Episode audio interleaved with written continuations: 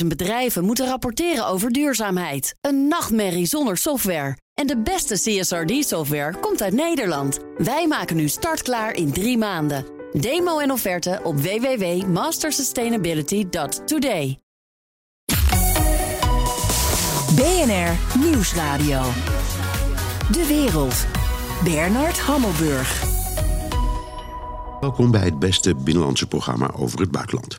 Straks de net gekozen Griekse premier Kyriakos Mitsotakis heeft wel gewonnen, maar geen meerderheid. En dus heeft hij twee opties: een coalitie of aansturen op een tweede ronde. Hij kiest waarschijnlijk voor dat laatste, want dat kan in Griekenland. Wat, betekent, wat dat betekent, vraag ik zo dadelijk aan de correspondent Nikos Lanser. Maar nu eerst, we zijn te afhankelijk van China, klonk ook weer op de G7-top. Maar kan Europa de afhankelijkheid van China nu wel echt verminderen? En hoe verweven zijn e- onze economieën nou echt? Mijn gast is Annette Nijs, China-kenner en president van de Business School Netherlands. Ook voormalig staatssecretaris van Onderwijs, Cultuur en Wetenschap. Dag Annette. Goedemiddag. Goedemiddag. We're not looking to decouple from China. We're looking to de-risk and diversify our relationship with China. That means taking steps to diversify our supply chains, and we're not so we're not dependent on any one country for necessary product. It means resisting economic coercion together and countering harmful practices that hurt our workers. It means protecting a narrow set of advanced technologies critical for our national security. And those elements are all agreed on by the G7. Was president Biden. Die afhankelijkheid, we hebben het er vaker over in het Westen. Hoe afhankelijk is de gemiddelde Nederlander nou van China? Afhankelijk vind ik altijd een uh, heel groot uh, woord. Maar China is natuurlijk super verweven in alles wat, we, wat we doen. Als je maar bij het kruidvat of de trekpleister of Ici Paris XL je parfum koopt... of je lipstift of je oogmake-up, dat komt natuurlijk allemaal uit China... Maar ook als je een katoenen t-shirt aan uh, doet, een goedkope, maar ook die van Lacoste of die van Puma, komt ook allemaal uh, uit China. En heel veel mensen in Nederland die beginnen heel vaak hun ontbijt al met de deur van een haier, een Chinese koelkast uh, te openen. En ik hou heel veel van Franse Isigny roomboter, maar dat is inmiddels ook al Chinees. Nou, als je gaat TikTokken of uh, je doet je uh, Xiaomi of Oppo-telefoon uh, aan, allemaal Chinees. Als je iemand aan de deur staat, dan kijk je op je Hikvision deurbelcamera wie het is. En ik denk als je s'avonds een wijntje uit je Chinese higher wijnkoelkast haalt, dan kun je ook nog voor de Hisense TV gaan zitten. En als we zoomen, dan gebruiken heel veel mensen in Nederland een externe camera van Anker, ook een Chinees. Nou, zo kan ik wel doorgaan. Zelfs als je denkt, ik ga naar Club Med, dan ga je toch naar een Chinese organisatie toe. Of als je je vakantie boekt bij Thomas Cook, ook Chinees. Ja. Of als je naar Schiphol gaat, ja, Dan, dan, ga je door de gate naar het vliegtuig. Al die loopgangen die zijn van Chinese makelij. En ook de brug waarmee de deur van het vliegtuig open en dicht gaat. Nou, en over Chinese ouders moeten we het maar niet hebben. Er zijn er zoveel in, uh, in Nederland. Nee, we zijn echt in ons dagelijkse leven al heel erg verweven. Ja, ja. En nou, uh, op de G7 uh, in Japan werd dat opnieuw een, een, een zorg genoemd. Die ontwikkeling van, de, van de, de wereldwijde economie en die enorme grote rol van China. Deel jij die zorg? Um, ja en nee. Ik deel niet de zorg dat wij uh, afhankelijk uh, zijn uh, van China, want dat valt allemaal reuze mee. Ik denk dat we nog echt veel dichter naar China zullen opkruipen. Omdat in vijf jaar tijd is China natuurlijk het grootste land in de wereld. En daar kunnen we gewoon niet omheen. Wat ik wel heel goed vind, en dat zie je in Europa ook gebeuren, is dat we nu gaan kijken waar zijn we nou wel afhankelijk zijn. En niet alleen van China, maar dat geldt natuurlijk ook voor allerlei uh, andere landen die ons producten leveren, die gewoon wereldspelers zijn op een bepaald gebied. Ja. En dat gebeurt nu best wel goed en daar is iedereen het ook wel over eens. We moeten niet ontkoppelen, maar we moeten de risico's weghalen. Ja, Even voor, voor het begrip. Dus je zegt zo'n zo'n zo'n uh, gate op, op, op het vliegveld. Ik ben toevallig gisteren weer door zo'n ding gelopen. Ik heb niet gekeken of er Made in China op stond, maar ik geloof het onmiddellijk. En al die andere voorbeelden. dat zijn natuurlijk dingen waarvan je kunt zeggen: als ik wil, dan maak ik ze zelf. En dan betrek ik ze niet meer aan China. Wordt alleen duurder. Maar er zijn dus ook kritieke dingen zoals grondstoffen. Ja, daarvoor bestaat een zekere afhankelijkheid. Noemen ze wat. Wat, wat, wat komt er allemaal uit China waarvan wij bij wijze van spreken afhankelijk zijn omdat alleen zij dat kunnen leveren? Ja, dat is eigenlijk niet zo heel erg uh, veel. Uh, de Europese Commissie heeft dat allemaal haarfijn uh, uitgezocht. En ongeveer 6% van wat we allemaal in de EU importeren zijn kritieke goederen waarvan we afhankelijk zouden kunnen zijn. En de helft daarvan uh, komt uit China. Dat, zijn, uh, dat is dus 3% van de invoerwaarde in Europa. Nou, dat zijn 20 producten. En daarvan zijn er een stuk of 12 heel lastig. Uh, en eentje daarvan is bijvoorbeeld wolfraam. Ja. Dat gebruiken we in de industrie. Ja, vroeger vroeger zat dat in gloeilampen. Ja, precies, dat, ja. dat wolfraam. En daar uh, komt uh, 80% van wat wij invoeren uh, van China. Maar dat is eigenlijk het enige grondstof. als je het hebt over die zeldzame aardmetalen waarvan we dan afhankelijk zijn. Maar we kunnen het ook uit Vietnam halen of uit het Verenigd Koninkrijk. Hè, dus daar hebben we nog een keuze. Ja. Waar we ook heel erg van China afhankelijk zijn, zijn magneten en magnesium. Maar dat is heel, de hele wereld, want uh, China is nou eenmaal uh, bij verre de grootste producent van magneten en uh, magnesium. En als ik zeg bij verre, dan is dat meer dan 90 procent. Dus daar heeft de hele wereld last van. Okay. En natuurlijk onze zonnepanelen, daar zit polysilicum in. en daar ook is China de grootste wereldspeler. Maar we kunnen het ook wel ergens anders vandaan halen. Dus het valt allemaal mee, maar ik vind het wel heel goed dat het zo is uitgezocht. Ja, He, want dan nou, heb je ook een keuze te maken. Ja, ik, ik, ik heb zelf ook eh, zo'n lijstje gemaakt. De, de, um, China heeft duizenden Boeings en Airbussen en ook eigen assemblagefabrieken waar die dingen in elkaar worden gezet. Um, ik geloof dat 90% van alle um, Amerikaanse antibiotica uit China komt. Dus, ja, en, en ook ja. onze uh, antibioticum en ook onze vitamine C. Het meeste daarvan ja. komt uit, uh, uit China. Ja. Ja. Ja, dus maar, maar China heeft dat... inmiddels. Want dat is dan wel interessant. China laat zich dus niet afhankelijk maken van Airbus en Boeing. He, die hebben nu zelf hun eigen Comac-vliegtuigen. Uh, ja. Ze staan nog ja, maar. maar die, die, hebben, die maar... hebben nog wel een eindje te vliegen voordat ze net zo goed zijn, zal ik maar zeggen. Nee, dat ben ik niet met je eens. Ze zijn, uh, er zijn er nog niet zoveel gebouwd. Uh, maar ze zijn uh, prima. En uh, het is een afhankelijkheid van, waarvan China heeft gezegd... daar gaan we heel snel iets, iets aan doen. Ja. Um, en dat is denk ik een goed voorbeeld. Zo zouden wij dat in Europa ook, ook moeten doen. Ja, dus, ja, dus dan, dan, dan, dan zou je moeten zeggen... we moeten lijsten maken van dingen die waar we bij, ja, we, waar we die afhankelijkheid kunnen verminderen zonder dat er meteen enorme ongelukken gebeuren. Aan de andere kant, die, die ik zou maar zeggen, de, de supply chain problemen, hè, dus die, die aanvoerroutes, um, de, de levering van containers, die, die, dat zag je tijdens COVID. Toen, toen viel eigenlijk het hele containervervoer weg, omdat die dingen die komen ook voor een groot deel aan, aan China. Dat is allemaal zo groot en zo verweven hoe kun je dat, nou ja, beter regisseren, zou ik maar zeggen? Nou ja, als die containers wegvallen, dat is een beetje lastig. Het enige wat je daar kan doen is natuurlijk extra voorraden uh, aanhouden, maar dat is heel duur.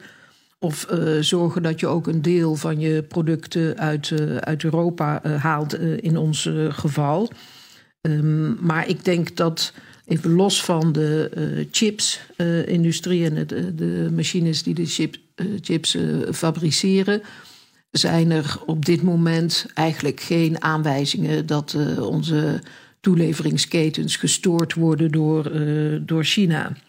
Dat gebeurt wel. Hè. China heeft, uh, toen ze ruzie hadden met Litouwen, toch daar een aantal producten niet naartoe gestuurd. Um, maar de Chinezen zijn net zo bang dat wij dat doen, dan dat wij bang zijn van de Chinezen dat, dat zij dat ons gaan en aandoen. Is dat terecht? Doen we het over en weer, zo gezegd? Ja, ik, ik, uh, ik, ik, denk het wel. Hè. Wij uh, zorgen nou dat uh, ASML bepaalde machines om chips te fabriceren niet meer gaat maken. En andersom zegt China dan van nou, dan komen de Amerikaanse microchips bij ons ook niet meer het, het, land in. Dat gebeurt wel, maar het gebeurt niet op zo'n manier dat de schappen bij ons leeg zijn of dat industrieën geen grondstoffen meer hebben en niet meer kunnen hun producten kunnen maken. Ja. Dus. Nou goed, die, nee, die kwestie over dit moment. Van, van ja, dat, dat Litouwen verhaal, net als Australië, dat ging, dat ging om Taiwan, hè? de erkenning dat ging om Taiwan, ja. ja. ja. En, dan, en dat is al, dan, dan worden de Chinezen altijd heel boos. Um, enfin, daar kunnen we misschien direct nog even over praten. Eerst even op het thema blijvend. Ursula von der Leyen heeft eh, een nieuw woord toegevoegd aan de taal: de-risking. Wat betekent dat? Ja, het is eigenlijk de discussie van moeten we nou ontkoppelen? Ehm, nou, daar, daar vindt iedereen van dat gaat gewoon niet. Daar is China echt te groot voor. Uh, maar we moeten niet afhankelijk zijn van die dingen. Uh, die kritiek zijn voor ons uh, in Europa. Dat risico moeten we niet meer uh, hebben. En dan kun je bijvoorbeeld kijken naar. Uh, als wij afhankelijk zijn van import in, in Europa, als meer dan de helft van iets uit een bepaald land komt, dat kan dus uit China komen. Hè, dat, dat zijn die 20 producten waar ik het net over had. Dan moet je gaan kijken, kunnen we niet een alternatief verzinnen in Europa? En daar komen initiatieven als dat Europa de grootste batterijproducent wil gaan worden vandaan. Want dan zijn we niet meer afhankelijk van de Chinese batterijen. En dat is wat zij bedoelt. Je moet, als je gevonden hebt dat je ergens afhankelijk van bent, met z'n allen een strategie verzinnen om dat op te lossen. En ja, daar wordt heel hard uh, aan gewerkt. Ik vind het altijd zo jammer dat we dat niet zo vaak lezen, maar dat we vaak lezen dat we willen die risken. Maar dan denk ik, ja, we zijn al heel ver met dat uh, traject. Ja. Nou, dit is BNR De Wereld. Mijn gast is Annette Nijs, China-kenner en president van de Business School Netherlands. 如果这期峰会要讨论经济胁迫问题，不妨先讨论一下美国是怎样胁迫其他其他几个六个成员国的。hier beschuldigt China naar aanleiding van de G7 Amerika van die economische dwang die hen juist wordt verweten. Uh, Amerika gebruikt dat dus net zo hard, zeggen de Chinezen. Hebben ze daar gelijk in? Ja, en de Chinezen zijn met name boos als Amerika uh, er andere landen bij haalt. Dus uh, toen Hoekstra in China was, is hij op zijn vingers getikt door de Chinezen. Omdat hij zich door Amerika de les laat lezen om bepaalde machines van ASML niet meer naar China te sturen. En Japan is toen ook op de vingers getikt, want Japan zit ook in die coalitie van landen die willen zorgen dat het heel lastig wordt voor China om de meest moderne chips in huis te krijgen daar met name uh, zegt China, daar gaan jullie echt te ver om met z'n allen tegen, tegen één op te treden. Ja, en hebben ze een punt? Nou ja, Want als het, het gaat om de. Er gaat natuurlijk enorme belangen op. Wel. Die, hè? Sorry, ga je gaan. Ja, als het gaat om de chipsindustrie natuurlijk wel, maar op heel veel andere gebieden ehm, niet. Daar gebeurt nog niks. En dat is altijd het lastige met dit soort uitspraken. Je ziet heel veel, uh, of je hoort heel veel stoere taal, maar als je het echt gaat ontcijferen, zoals we dat nu doen, um, dan valt het eigenlijk allemaal wel heel erg mee. Hebben we het heel goed in Europa uh, in beeld en zijn we er ook al mee bezig. En toch hebben we behoefte om ja, als, als, ons als wereldspelers te gedragen en af en toe naar elkaar uit uh, te halen. Maar het verhaal daarachter vind ik veel positiever dan uh, wat ik zo af en toe hoor zeggen. Ja, aan het einde van die G7, uh, vorige week, hield Joe Biden een persconferentie. En daar had hij ook een beetje sussende taal. Van nou, ja, we zijn natuurlijk allemaal een beetje afgeleid door dat, dat gedoe met die ballon. Die spionageballon. En toen ging een, een reisje van de Amerikaanse minister van Buitenlandse Zaken ter voorbereiding van een soort top niet meer door. En Biden gaf aan van ja, we moeten dat eigenlijk een beetje terugdraaien en kijken of we weer tot elkaar kunnen komen. Geloof je daarin dat dat kan en dat dat ook de druk aan weerskanten een beetje weg kan nemen? Nou, ik denk dat hij het ook zegt, um, omdat hij ook weet dat heel veel Amerikaanse uh, bedrijven, en dat geldt natuurlijk ook voor uh, Europese bedrijven, ja, voor hun is de Chinese markt uh, super belangrijk. Dat zijn vaak de top drie omzetlanden, zeg maar, is, is, is China.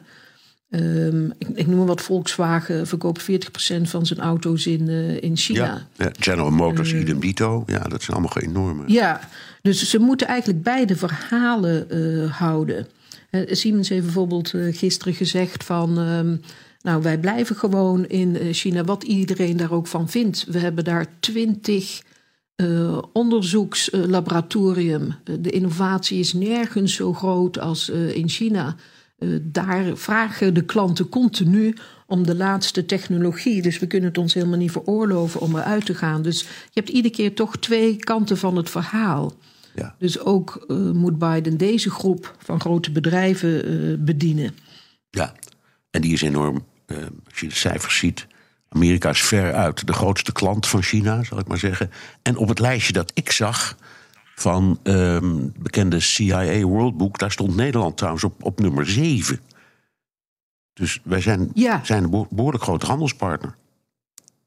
Ja, we zijn een behoorlijk grote handelspartner. Uh, als je uh, kijkt naar wat er door de haven uh, komt van Rotterdam. Maar een kwart daarvan gaat weer verder door naar Europa. Dus niet alles blijft daar hangen. En als je kijkt ehm, naar het aandeel van andersom, hè, van, van de export uh, van China naar Nederland, dan is dat eigenlijk maar 2 procent.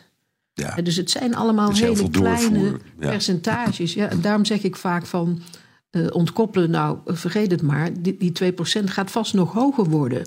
Ja. Dus ik denk dat we qua handel steeds dichter bij elkaar komen.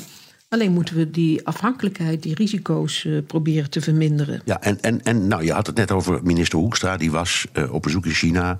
En die loopt dan een beetje aan de hand van Amerika, vinden de Chinezen. Um, is dat ook zo? Um, in, in sommige gevallen natuurlijk met ASML uh, wel. Maar ik denk dat de was Chinezen dat, was ook dat, wel... Wacht even, wat vind je, was dat een verkeerd besluit of vind je het een terecht besluit over ASML? Ik vind het uh, een beetje gerommel in de marge, want het um, zijn machines die sneller chips kunnen maken dan de oudere machines. En die oudere machines die heeft China al. Dus dan denk ik, ja, waar gaat het dan eigenlijk uh, over? Gaat het over de snelheid van fabricage? En dat is nog niet eens de nieuwe generatie uh, chips. Dus ik vind dat ja, eigenlijk symboolpolitiek is, is misschien te zwaar, maar ik vind het niet zoveel om het lijf hebben. Hoe kijken, hoe, hoe kijken de Chinezen naar Nederland? Nou, als we, als we heel eerlijk zijn, dan uh, vinden ze Nederland eigenlijk niet zo heel erg uh, belangrijk. We hebben in 2014 heeft de koning Willem-Alexander met uh, China een, een, partnership afgesloten. En dat heet, is een open en pragmatisch partnership. En China heeft een soort van rangorde van bilaterale betrekkingen. Dus Rusland staat bovenaan en Japan staat onderaan. En wij staan net boven Japan. Ja, ja. Dus we hebben eigenlijk een nietszeggende bilaterale uh, partnership als het gaat om de belangen van uh, China. Dus als je okay, op het ene nou ja. laagste trapje nou, staat. Dan, dan, ik, ik, ja, dan... ik vind het in zoverre interessant dat we, we zijn. In, er is die enorme discussie over. je moet een China-politiek hebben, strategie. Er wordt voortdurend over gediscussieerd. Maar als we dus naar de Chinese kant kijken, dan begrijp ik dat zij denken: ze doen maar. Het maakt ons allemaal niet zoveel uit. Ja, en iedere keer zegt uh, China, uh, laat ze ook weer, toen Rutte met de nieuwe premier van China heeft gesproken. We nodigen jullie uit om onze vriendschap te versterken. Dus iedere keer zeggen ze: je mag best een treetje omhoog uh, in die relatie als jullie dat willen. Um, maar dat is nog steeds niet gebeurd. En China vindt Nederland wel belangrijk eh, als het gaat om de EU. Dus ze komen graag in Nederland horen wat er allemaal in de EU speelt. En ze vinden ons daar wel een invloedrijk lid uh, ja. in, het, in de EU. En bovendien, maar als het hebben, gaat. Uh, we hebben ook Rotterdam, dus dat, Dat is ook belangrijk voor ze. En daarvan, van, de terminal, van de terminal Ja. hebben ze geloof ik iets van de helft of zo. Bezitten ze ook. Dus dat vinden ze dan wel belangrijk. Ja, dat vinden ze eh, zeker belangrijk, want dat is natuurlijk hun eh, doorvoerhaven, eh, niet alleen naar Nederland, maar naar de rest van Europa. Maar waarom wij op dat eh een na onderste treden eh, staan, dat betekent eigenlijk dat we geen strategisch belang hebben als het gaat om de economie van China, over de toegang van onze eh, grondstoffen. Eh, en ook niet als het gaat om militaire of defensiezaken. dat, dat is eigenlijk de betekenis ja, dat we Ja. zo laag op die rangorde staan. Nou ja, misschien is dat eh, ook wel goed om af en toe in de spiegel te kijken en dan te zien hoe een ander naar ons kijkt. Ik denk het wel. Ja, wij denken wel eens van. ehm, we zullen China nog één keer zeggen. Nou, China laat zich niet zo heel veel zeggen. Ehm, en je bent pas van waarde voor China als je echt iets hebt dat ze willen hebben. Dan, dan tel je mee. En eh, China kan het natuurlijk niet maken om de EU te negeren. Maar Nederland op zich ja, is heel fijn voor landbouw, is heel fijn voor allerlei innovaties, heel fijn voor een aantal grote bedrijven die daar zitten. Ehm, maar strategisch niet, eh, niet heel erg van belang. Dank Annette Nijs, China-kenner en president van de Business School Netherlands. En ook voormalig staatssecretaris van Onderwijs, Cultuur en Wetenschap.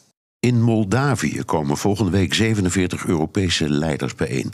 Het gaat om de Europese politieke gemeenschap, een club die de Franse president Macron heeft bedacht. Ik praat erover met Europa-verslaggever Geert-Jan Haan. Geert-Jan jij zit nu nog in de studio in Amsterdam. Volgende week ben je in Moldavië met 47 Europese, Europese leiders. Wie zijn er niet bij? Geen Rusland, geen Belarus en geen Vaticaanstad. Bernard, dat zijn eigenlijk de drie landen en in het laatste geval landje. eh, dat geen eh, leider van het land heeft afgevaardigd. Wel is er witte rook voor Andorra, San Marino en Monaco. Ja, dus de, de grootmachten Andorra, San Marino. en- Die zijn erbij. Ja, Die zijn erbij. Wat staat er op de agenda, Geert-Jan? Vooral oorlog, of beter gezegd vrede. Oekraïne, Nagorno-Karabakh. Eh, want Armenië en Azerbeidzjan zijn er ook bij. En vorig jaar zag je dat eh, Macron en Erdogan eh, met de leiders van die twee landen om tafel gingen om te kijken of er iets van vrede in die regio kon worden bewerkstelligd. Daar kwam toen een, een doorbraak in de vorm van een EU-vredesmissie. Maar er is ook veel ruimte voor bilaterale ontmoetingen zonder agenda. Die ruimte werd vorig jaar dan weer bijvoorbeeld benut om de gasprijs lager te krijgen. Kortom, het is een top waarbij er veel benen op tafels gaan. Ja, en waarom is dit eh, niet, in, niet eh, in Zweden georganiseerd? Want dat is de, de, de huidige voorzitter van de EU, maar in Moldavië. Aan de ene kant is het idee, denk ik, van deze nieuwe club dat het ene jaar de top in een EU-land plaatsvindt en daarna in een niet-EU-land. Vorige keer Tsjechië, nu Moldavië, daarna Spanje, daarna Groot-Brittannië. En het is Moldavië gegund, ook als een krachtig Europees eh, symbool en signaal. Je kunt je wel afvragen of deze top dan op vijf kilometer van de grens met Transnistrië had moeten worden georganiseerd. Want daar zitten wij, Bernard, in een groot voormalig wijnkasteel. Zo. Maar goed, ik weet ook niet of er eh, andere kastelen als congreslocatie zouden voldoen in Moldavië. Feit Nee, is maar het wel. heeft wel iets provocerends hè, om zo vlak bij Transnistrië te gaan zitten. Ja, en of dat nou zo nodig is voor een nog krachtiger signaal, dat weet ik niet helemaal. Feit is wel dat naast symboliek ook beveiliging hoog op de agenda staat. Want het luchtruim gaat twee dagen lang dicht. Er mag ook drie à vier dagen niet met drones worden gevlogen. En er komt natuurlijk uit al die Europese landen ook beveiliging mee. Want ja, Moldavië kan niet 47 leiders- leiders zomaar beveiligen op zo'n geopolitiek gevoelig stukje aarde. Nee, hoe fragiel is de situatie in het gastland zelf momenteel? Moldavië staat sinds de Russische oorlog in Oekraïne extra onder spanning om allerlei redenen. Het is natuurlijk een eh, land dat bestaat uit een pro-Westers en pro-Roemeens deel. En uit een pro-Russisch deel, dat met name in de geannexeerde regio Transnistrië dus zit. Maar ook in de semi-autonome republiek Gagauzië. Een vrij ingewikkelde postzegel dus, dat Moldavië. En ja, we zagen aan het begin van de oorlog in Oekraïne natuurlijk ook een fysieke bedreiging voor Moldavië. Dat vertelde voormalig premier Natalia Gavrilitsa aan mij.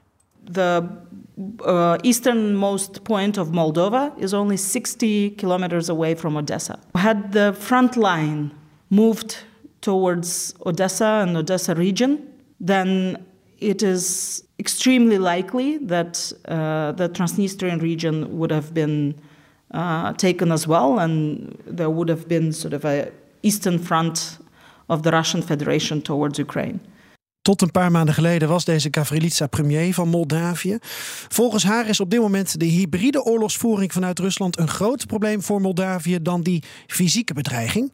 We can never rule out a decision to employ Russian troops um, and uh, you know Russian military uh, contingent. Uh, at the same time, we are right now mostly dealing with an escalation of the hybrid war.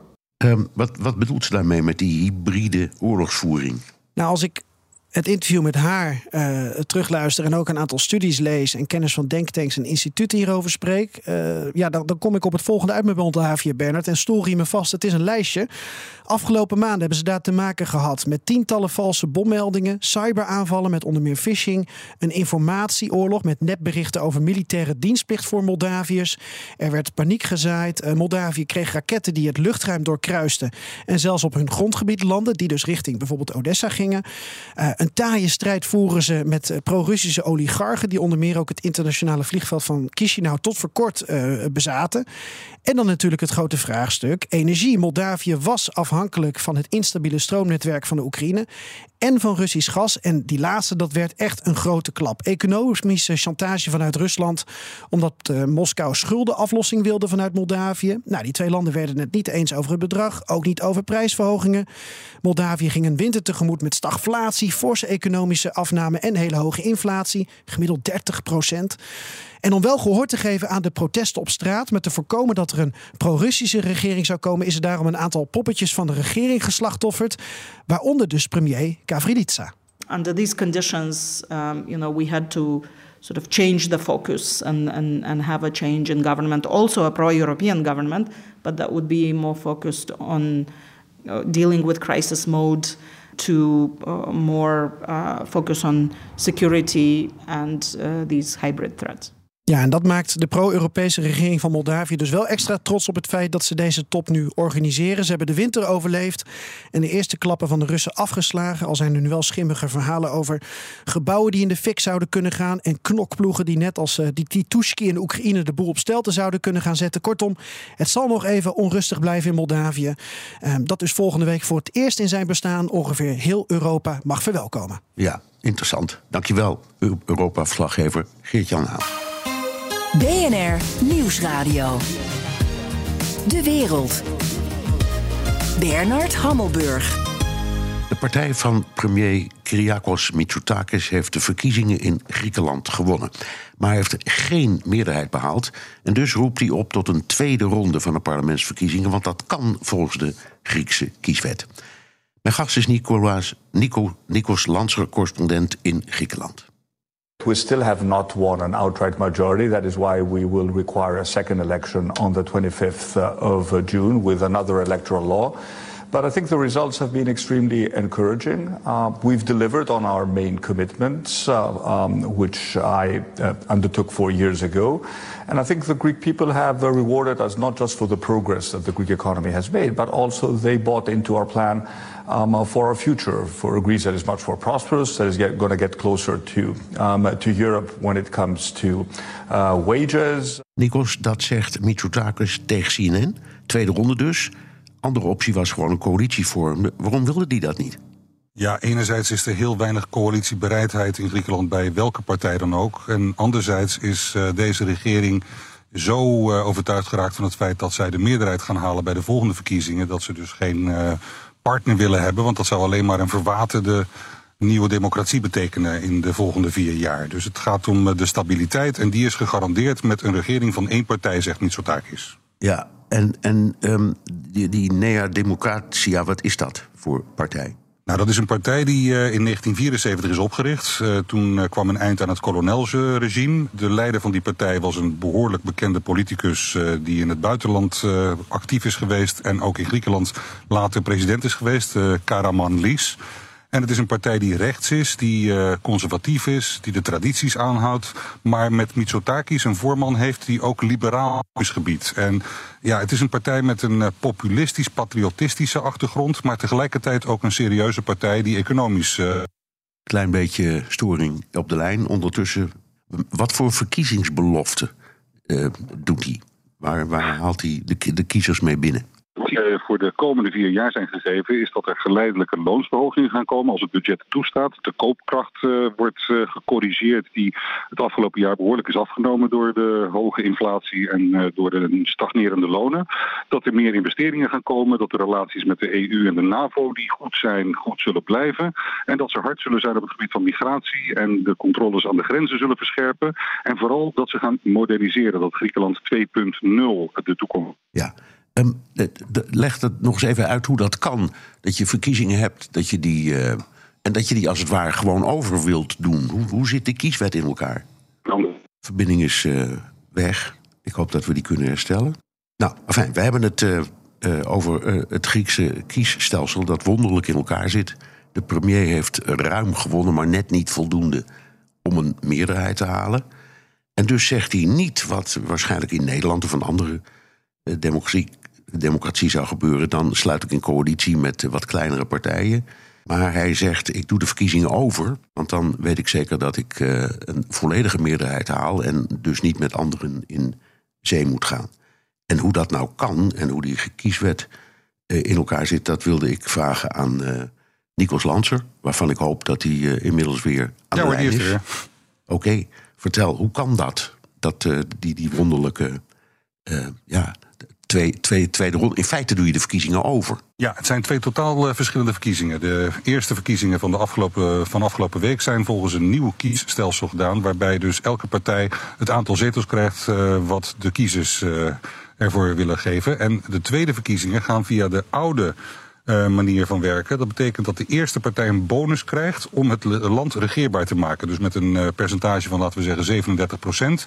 kun je dan meer dan 50 procent van de zetels in de Tweede Kamer van Griekenland hebben. Dat is ook een beetje afhankelijk van hoeveel partijen er in uh, het parlement terecht gaan komen. En op dit moment zijn er maar vijf partijen. Dus dat betekent dat met een gering percentage, die nieuwe democratiepartij, een flinke meerderheid kan halen. Dat zou zelfs op 170 zetels kunnen komen, maar dat moeten we afwachten, want de kleine partijen zullen misschien meer stemmen gaan krijgen bij de volgende verkiezingen. Maar in feite is het gewoon duidelijk dat de nieuwe democratie de regering gaat vormen. Dat, is, ja, uh, ja, dat, dat, staat buiten kijf. Maar er zijn, er zijn wel ernstige problemen geweest. Er is een afluisterschandaal geweest. Er is die ontzettende treinramp geweest waarvan iedereen toen toch zei: ja, daar is de premier uiteindelijk verantwoordelijk voor. Heeft hem dat nu zetels gekost of niet? Eh, ik weet bijna zeker dat het niet alleen geen zetels gekost heeft, maar dat het zelfs een winst heeft opgeleverd, omdat de oppositie geen vuist heeft kunnen maken in deze kwestie. Want het zijn uh, problemen die al heel lang spelen en waar alle regeringen in het verleden hun uh, schuld bij kunnen gaan zoeken. En deze regering heeft heel goed in de afgelopen weken duidelijk gemaakt dat zij niet de enige schuldigen zijn. En het Griekse publiek weet dat. En misschien dat ze daarom uh, op die manier toch op die partij hebben gestemd. Afluisteringsschandaal is een ander verhaal. Ook daar is duidelijk dat uh, Mitsotakis en zijn regering een niet al te frisse rol hebben gespeeld. Maar de mensen hebben zich er niet mee bezig gehouden. Alleen de oppositiepartijen hebben er zoveel op gehamerd dat mensen er moe van zijn geworden van dat argument. Ja. Um, hoe, hoe kijken de Grieken naar hun premier? Um, ja, dat is heel verschillend. Er is een uh, deel van Griekenland wat uh, in de aanloop naar de verkiezingen gehamerd heeft op de slechtste regering sinds 1974. Maar er is ook een deel van de Grieken die juist zegt: dit is de stabielste, rustigste regering die ons in vaarwater terecht heeft gebracht, wat niet meer voor problemen zorgt. Want na een twaalf, dertiental jaren die heel moeilijk zijn geweest is er economische groei. En of die groei nu bij iedereen terechtkomt is een ander verhaal. Maar het is wel zo dat het uh, op de financiële markten rustig is geworden. Dat Griekse bedrijven zich in het buitenland beter kunnen presenteren. En dat heeft uh, Mitsotakis op zijn rekening mogen schrijven. En de kiezers hebben daarvoor gekozen. Voor die stabiliteit, voor dat nieuwe Griekenland. Ja, en de oppositie, hoe, hoe reageren die op die tweede ronde? Want dat, heeft, dat doet hij dus um, op, op een manier. Dat kon eigenlijk niet, dat was afgeschaft, maar hij heeft het weer ingesteld. Hoe reageren ze erop? Ja, die oppositie die, uh, moet nu uh, de wonden likken. Want uh, de grootste oppositiepartij is behoorlijk veel kleiner geworden. En de de derde partij van het land, die dus kleiner was dan de Syriza-partij van Tsipras, ooit de grote partij van Andreas Papandreou, die begint nu langzaam weer op te klimmen. Dus de kans is best aanwezig dat die twee nek aan nek gaan vechten voor de twee. Ja, we hebben weer even een storingje.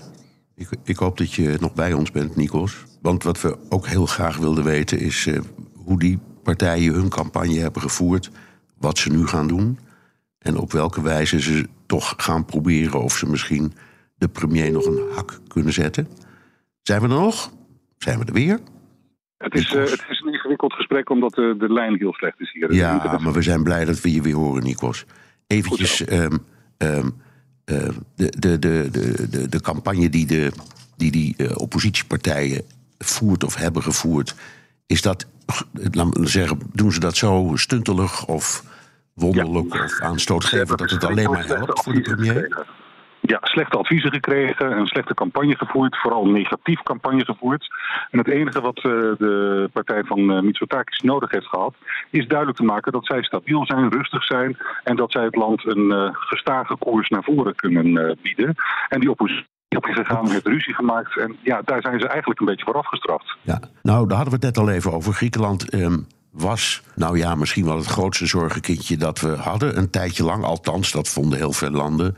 Dat is niet meer uh, zo wat de economie betreft. Hoe staat die economie er eigenlijk voor? Nou ja, als je het uh, bekijkt op basis van groeipercentages, dan heeft Griekenland een van de beste jaren gehad uh, van de landen in Europa. Met een groeipercentage van boven de 5, 6 procent. En er is veel gemoderniseerd, er is veel gerestructureerd. En dat begint zijn vruchten af te werpen. Maar het is wel een heel liberaal beleid geweest. Waardoor dus in de oppositiekringen heel veel kritiek is op het verkopen van het land aan de grote bedrijven, aan de multinationals en dergelijke. Maar ja, Mitsotakis schermt dus met zijn goede contacten in die wereld. En een groot aantal ondernemers staan achter hem. Dus hij heeft ook het hele systeem achter zich staan. De grote uitgevers, de pers, de televisiestations. Ze hebben allemaal Mitsotakis gesteund. Dus hij was ja. meer te horen en duidelijker te horen in de aanloop naar de verkiezingen. Oké, okay, dan moet ik moet toch even de vraag stellen over de clichés van destijds. Ze betalen geen belastingen. Het zijn allemaal zwartwerkers. Um, het, het, is uh, allemaal een beetje een zootje, dat is het altijd geweest. En daarom is die crisis er. Al dat soort dingen. Is dat nu een beetje, moet ik zeggen, is dat van de baan? Dat soort, uh, dit soort het is, het is nooit volledig van de baan, maar het is wel een stuk minder geworden. Want uh, als je bijvoorbeeld een heel eenvoudig uh, item neemt als belastingen, dat gebeurt allemaal elektronisch op dit moment en digitaal. Je hebt tegenwoordig uh, niet meer langs een op, uh, officiële instantie te gaan, maar het kan allemaal uh, via internet en online. En dat heeft voor een, laten we zeggen, verschuiving gezorgd, omdat in de, in de corruptiesfeer een flink aantal van die kleine corruptie, corruptieactiviteiten zijn weggehaald. Ja. en, en, en nou even, dat herinner ik me ook, hè, want waren die verhalen. Als je een taxichauffeur om een bonnetje vroeg, dan, dan vloog die er zo ongeveer aan. Is dat nou, ja. is dat, is dat inmiddels uh, ook een beetje genormaliseerd? Dat is genormaliseerd, want er is een verplichting gekomen om POS-systemen te hebben. Dus je moet met uh, digitale middelen kunnen betalen, met je telefoon, met je creditcard. Als dat niet zo is, dan kun je als burger een uh, klacht indienen bij een instantie en die gaan erachteraan. Dus je ziet gewoon dat de economie van Griekenland uh, witter is geworden en ja, meer inzicht is gekomen. Heel veel bedrijven in Griekenland, in de horeca, maar ook in de detailhandel, moeten hun kassa's aansluiten op het ministerie van Financiën, waardoor direct op het moment dat er iets verkocht wordt, het bedrag binnenkomt en kan worden gecontroleerd of die uh, BTW wordt afgedragen en dergelijke. Dus daar heeft hij heel veel punten in gescoord, omdat mensen gewoon een stabiel uh, economisch klimaat hebben gekregen van Mitsotakis, wat in het verleden niet altijd het geval was. Nee, en, en je zegt het gaat beter met die economie. Wat merkt de gewone Griek daar nou van? Nou, daar zit de crux dus een beetje. De gewone Griek heeft nog niet heel veel gemerkt van die verbetering van het economische klimaat. Want het groeipercentage is niet in zijn eigen zak terechtgekomen. De lonen zijn nog steeds laag in vergelijking met uh, andere Europese landen. De koopkracht is uh, ook niet sterk. De huren zijn omhoog gegaan. De real estate prijzen zijn ook omhoog gegaan. Dus het is moeilijker voor een grote aantal Grieken. Zo'n 18% leeft onder de armoedegrens in het land. En dat is een hoog percentage. En dat zijn dus de mensen die zouden moeten hebben gestemd op die oppositiepartij, maar die hebben dat niet allemaal gedaan. Dus daar is dan de grote vraag: waarom hebben ze Mitsotakis gestemd? Waarschijnlijk omdat hij een route in de toekomst heeft neergelegd bij ze die ze geloven. Kan het ook zijn dat ze gewoon niet hebben gestemd, Nikos? Het is ook zo dat een heel groot aantal, zo'n 40%, niet is opkomen dagen. En dat zal ook uh, de inzet zijn op 25 juli, wanneer die tweede verkiezingsraad komen. Gaan die mensen wel verschijnen en wat gaan die stemmen? Maar het is uh, een systeem met een kiesdrempel van 3%. Er zitten drie of vier partijen zitten heel dicht tegen die 3% aan. Als die er overheen gaan, gaan, dan zouden we een andere samenstelling kunnen krijgen van het parlement. Maar dan zitten er veel meer extreemrechtse partijen die er nu niet in zitten in deze verkiezingen. Die heeft hij eruit weten te werken, want hij heeft de rechters laten uh, uh, beslissen of partijen mochten meedoen. Nou, dit, voor Europa is dat allemaal goed nieuws, hè? want het, het, het, van het zorgenkindje is het veranderd in, in, in wat de Economist zegt, een uh, Europees succesverhaal. Um, hoe zit het um, met de, de kwestie van immigratie? Want er zijn dus twee zorgen die de rest van Europa heeft. Dat is de, de Griekse economie. Nou, die is dan min of meer gerepareerd. Maar hoe zit het met de immigratiekwestie? Ja, hij is niet bereikbaar. In dat geval uh, vrees ik dat uh, we het gesprek moeten beëindigen. Het is niet anders. Um, als Nikos ons nog hoort, dan in elk geval heel hartelijk dank. Geert-Jan Haan, nog even een vraag aan jou. Jij bent ook nog in de studio, heel snel. Hoe kijkt Europa aan tegen alles wat er nu in Griekenland gebeurt? Vooral in de kwestie van de migratie. Nou, die rol van Griekenland die is toch wel lastig. Want aan de ene kant wil Europa graag dat er een uh, eerlijke verdeelsleutel is. En dat willen de Grieken natuurlijk ook. Want zowel de Grieken als de Italianen die zeggen telkens over migratie. Ja, wij kunnen ons land niet geografisch verplaatsen. Wij kunnen niet ineens op een andere plek in Europa gaan liggen. En Europa is aan de ene kant daar gevoelig voor. Met name in Brussel hoor je die geluiden wel. Aan de andere kant zijn er genoeg lidstaten die om eigen binnenlandse redenen, wat je natuurlijk ook met, met Nikos wel hebt aangestipt, um, dat die landen ook aangeven uh, ja, dat zij dat nu eenmaal niet willen. Dat is even het zwart-witte beeld. Um, en dat zet de hele boel natuurlijk op scherp. Dan kan Griekenland wel een muur bouwen. En dan kunnen ze wel zeggen: we gaan alles en iedereen tegenhouden. Maar ja, tegelijkertijd, als, um, uh, als al die landen een ander idee daarover hebben. en je komt maar niet tot elkaar dan wordt het erg ingewikkeld, Bernard, om, uh, om een hele nieuwe migratiepolitiek in Europa ja. op te tuigen. Ook al wil iedereen dat wel, omdat het huidige model eigenlijk niet werkt. Nee, het is inderdaad, die, die twee landen, Italië en Griekenland, zijn een beetje de, de pineut. Hè. Die betalen altijd de rekening voor dit probleem, hoeven het ook doen. Uh, als Nikos Lanser ons nog hoort, in geval bedankt. Geert-Jan Haan, ook hartelijk dank. Tot zover BNR De Wereld. Terugluisteren kan via de site, de app, Spotify of Apple Podcast. Reageren kan via een mailtje naar dewereld.bnr.nl. Tot de volgende week. 50.000 bedrijven moeten rapporteren over duurzaamheid. Een nachtmerrie zonder software. En de beste CSRD-software komt uit Nederland. Wij maken nu startklaar in drie maanden. Demo en offerte op www.mastersustainability.today.